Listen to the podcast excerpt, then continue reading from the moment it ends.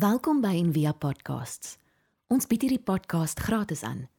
Om 'n bydrae te maak, besoek gerus ons webblad en via.org.za vir meer inligting.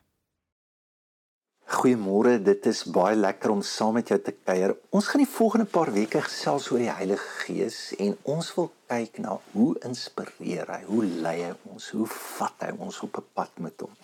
En dan veral in die moeilike tye waarin ons nou is. Ons begin met Genesis 1 vers 2. So dit sê in die aarde was woes en leeg en die gees van God het gesweef op die water. Die een vertaling sê dit daar was chaos, maar die Here was teenwoordig.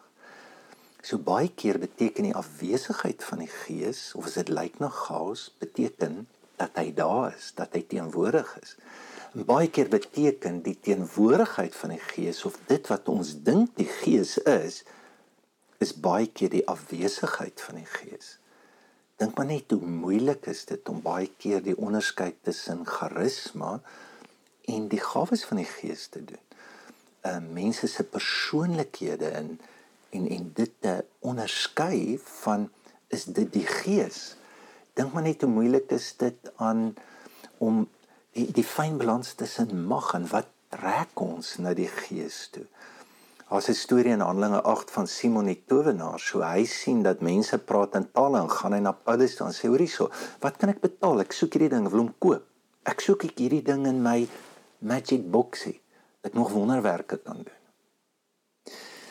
Dink vir al vir my en jou wat geseënd is en as jy 'n motor het en 'n huis het dan val ons maar op in 'n baie baie klein geringe persentasie van die wêreld en die gevaar van dit is ons dink dat baie keer is ons gemak of ons materie dit waarmee die Here ons seën is 'n teken van die gees of 'n van sy teenwoordigheid wat baie keer in Jesus se woorde dit kan ook die afwesigheid van die gees beteken So kom ons begin vandag te gesels oor die beeld van water want dit is en ons wil die volgende tyd wil ons selfs oor verskillende beelde wat ons kan help van hoe nooi die Here ons uit en wat kan ons verwag en hoe moet ons ons lewe orienteer en hoe kan hierdie beeld ons help om ontvanklik te wees dat die Heilige Gees in en deur ons kan werk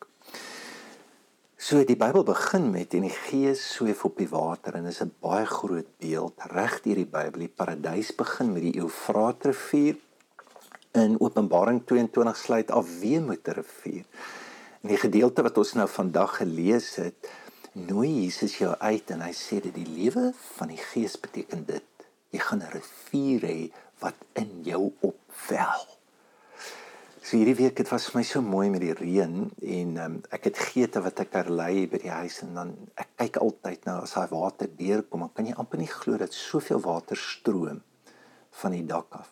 En dan hoe sterk daardie vloei is, dit maak alles skoon.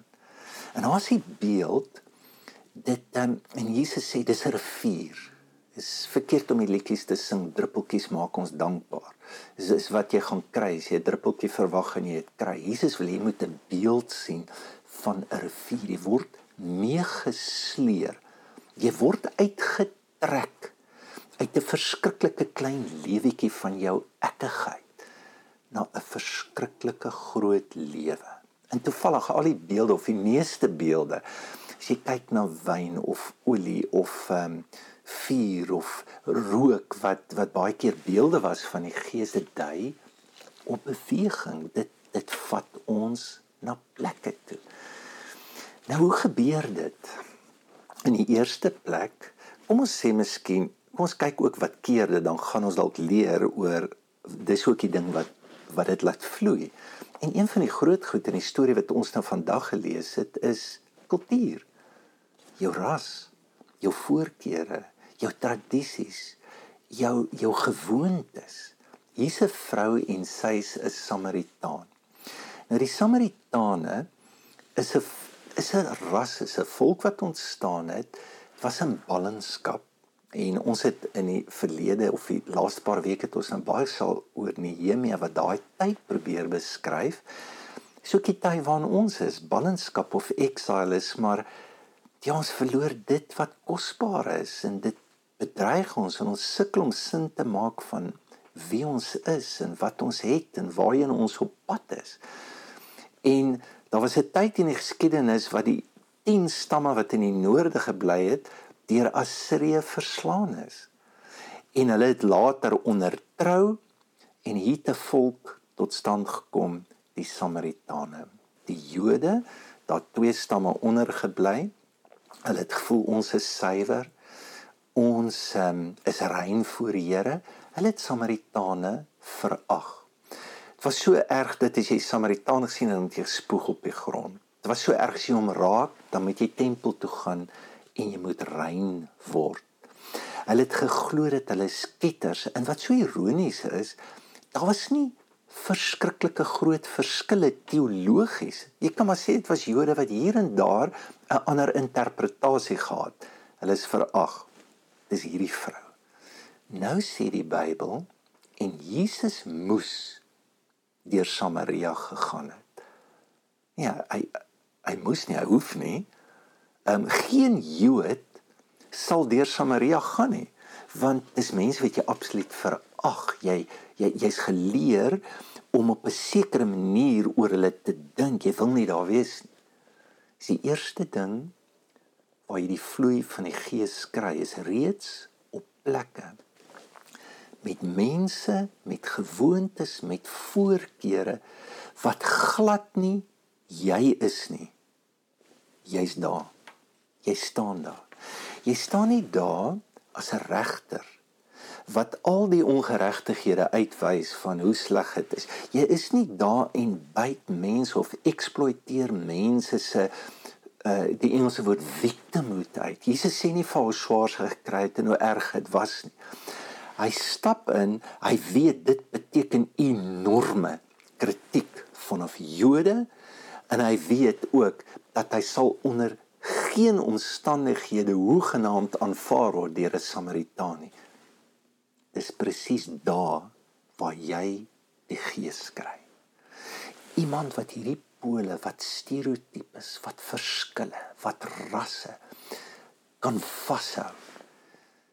As ons lees wat gebeur op Pinksterdag, dis die mooiste beskrywing van verskillende rasse, mense wat verskillende tale praat wat vir die eerste keer kan hoor, maar nou praat daai persoon my taal is 'n ander manier om te sê, maar ek ek het soveel respek vir jou dat ek kan jou nou ontmoet. Ons verstaan mekaar. Daar is in hierdie verskriklike diversiteit 'n verskriklike eenheid. Dis waar die Heilige Gees vloei. In die tweede plek wanneer ons in aanraking kom of nader kom met wie ek werklik is, en wie ander werklik is, is waar die Heilige Gees vloei. Ek dink aan Palmer Parker se definisie van gemeenskap. Dis regtig nie Bybelstudies groepies wat mekaar oortuig wat reg en verkeerd is nie. Is om iemand lief genoeg te hê dat jy hom kan help dat hy sy ware geskaapenheid kan leef. Hoekom? Want ons almal beweeg net so. Na wat toe? Na iemand wat ek eerder vir jou wil wys. En dit is nie verkeerd nie. Die woord persoonlikheid beteken masker. Ek het ook rolle, ek het ook maskers. Ek is 'n pa. Ek is 'n pastoor. Ehm um, ek is 'n man. Ek is en en, en binne dit probeer ek ook my so presenteer of wys. Is nie verkeerd nie. Is net maar maar wat is agter dit? Kan ek dit ook wys? Kan mense dit ook voel? In hierdie gedeelte is dit nie Jesus wat kom en hy gee gou vir 'n klomp Bybeltekste dat sy presies kan sien. O, oh, okay, hier's my foute, hier's my sonde en ek gaan ook nou glo soos wat Jesus glo. Dit is glad nie sy verwagting nie. Hier's nie 'n monoloog nie. Hy nooi jou na 'n dialoog toe. So die hele Bybel is dit. Die skepingsverhaal begin met kom laat ons mense maak. Dis die drie eenheid. Daar's perfekte harmonie tussen drie die drie is ook een en en wat is dit wat daar is is dialoog dat God sit sy woorde uit in sy seun en stort sy liefde uit in sy seun en sy seun gee daardie liefde weer terug daai beweging of vloei is die Heilige Gees. En hoe meer God gee, hoe meer wil die Seun teruggee aan hom. En en ja, ja die die woord drie eenheid beteken dans koreografie. Jy kan sien hier kom die mooiste spontane beweging en ook in hierdie gesprek met hierdie vrou. Wat sê blokkade? Dis maar ons personas wat ons nou net oor gepraat het, jou kultuur, dis ras, dis voorkeure. Sê vir hoe is dit moontlik dat jy's 'n rabbi met my praat? En hy sê nou, kan nie 'n koneksie kom nie. Hoekom? Want rabbies het nie met vroue gepraat nie. In die Talmud staan daar um burn the words of the law rather than teach them to a woman. So die ouens het die patriargale stelsel was groot hierso gewees. So en en en jy het glo. So die vloei van die gees gaan baie keer teen die stereotipe, teen die kultuur om wat te doen. Om dit wat ons van mense glo af te preek. En die boksies wat ek ook doen. Ek wil jou eerder in 'n boksie sit. Ek wil weet jy's jy's blank of jy's bruin of ek wil weet jy's Afrikaner of ek kos of so hoekom? Want dan dan dan tik jy 'n boksie dan kan ek jou beheer ook. sien al daai goed breek, verkrummel En ek laat nie my dialoog gesaai trek word deur verskriklike klein persoonheidjies wat eintlik my ego is. Ek stuur verby dit dat ek die ware ware persoon kan ontmoet, so wat Jesus doen. En kyk wat gebeur hier. Sy met deur 'n klomp goed gaan.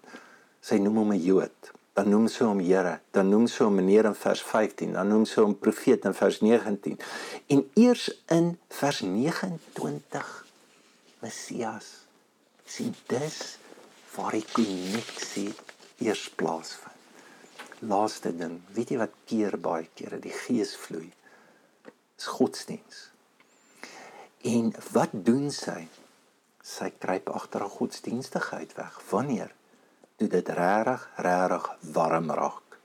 Kyk, as jy hoe hoe nader jy aan iemand kom en wie die persoon werklik is en baie keer is as ons self onseker is van daai plek dan is dit soos rooi vla is soos 'n klomp maskertjies wat ons ruil jy gesien wat doen sy sy noem hom eers Here maar dis nie saamstem nie toe word dit meneer dis wat ons doen nê so wat is die probleem hier waarna toe vir die dialoog afvat na verlede toe Weet jy waar kry die Heilige Gees in jou verlede? As jy nie verstaan hoe God werk selfs deur jou gebrokenheid en jou verwonding nie, gaan nooit 'n toekoms hê nie. Gaan nooit in die toekoms sien. Jesus weet dit. Hy sê wanneer jy gaan roep jou man, sê ek dit nie 'n man nie. Dis nie dat sy nie jok nie, dis net dat sy wil nie eerlik wees nie. Want hy sê vir jy het 5 gehad. Nou Rabbi kan jou nog vergewe vir 3. Hulle sê daai tyd as jy 3 vrouens gehad het dan sit nog raak maar 5 is. So elke ding wat hier gebeur diskwalifiseer hierdie vrou. Maar wat gebeur? Jesus hou haar vas. Sit nie ongelooflik hartseer hoe ons met die geringste verskille wegloop van alles. Hoekom?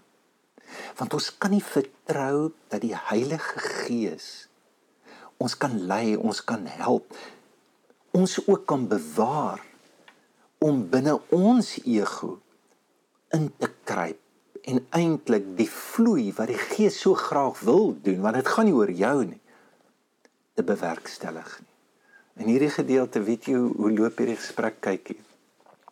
Daar's 'n verklaring Jesus verduidelik in 'n misverstand in vers 9 vers 11 en 12 daar's verklaring en daar's weer 'n misverstand. Dan sal weer 'n verklaring en 'n misverstand in vers 15 ons verklaring en 'n misverstand in vers 20. En dan ontdek sy die Messias. Ek sluit af.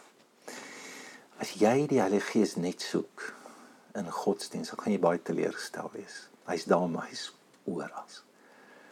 Maar wil jy nie voel die Gees jou nooi eintlik in al hierdie gesprekke wat ons weggevoer mee word en opgeneem word oor kultuur, oor voorkeur, oor, wil, wil jy nie gaan voel hoe staan dit om te midde te staan sonder enige oordeel in gesprekke, in dialoë, in liefde wat lank genoeg aanhou dat jy iemand anders die gawe kan gee van hulle ware self. Mag ek en jy vertrou soos wat Jesus sê, julle wat sleg is, wat goeie goed vir julle vaders gee, hoeveel te meer wil die Heilige Gees dit nie aan ons gee nie.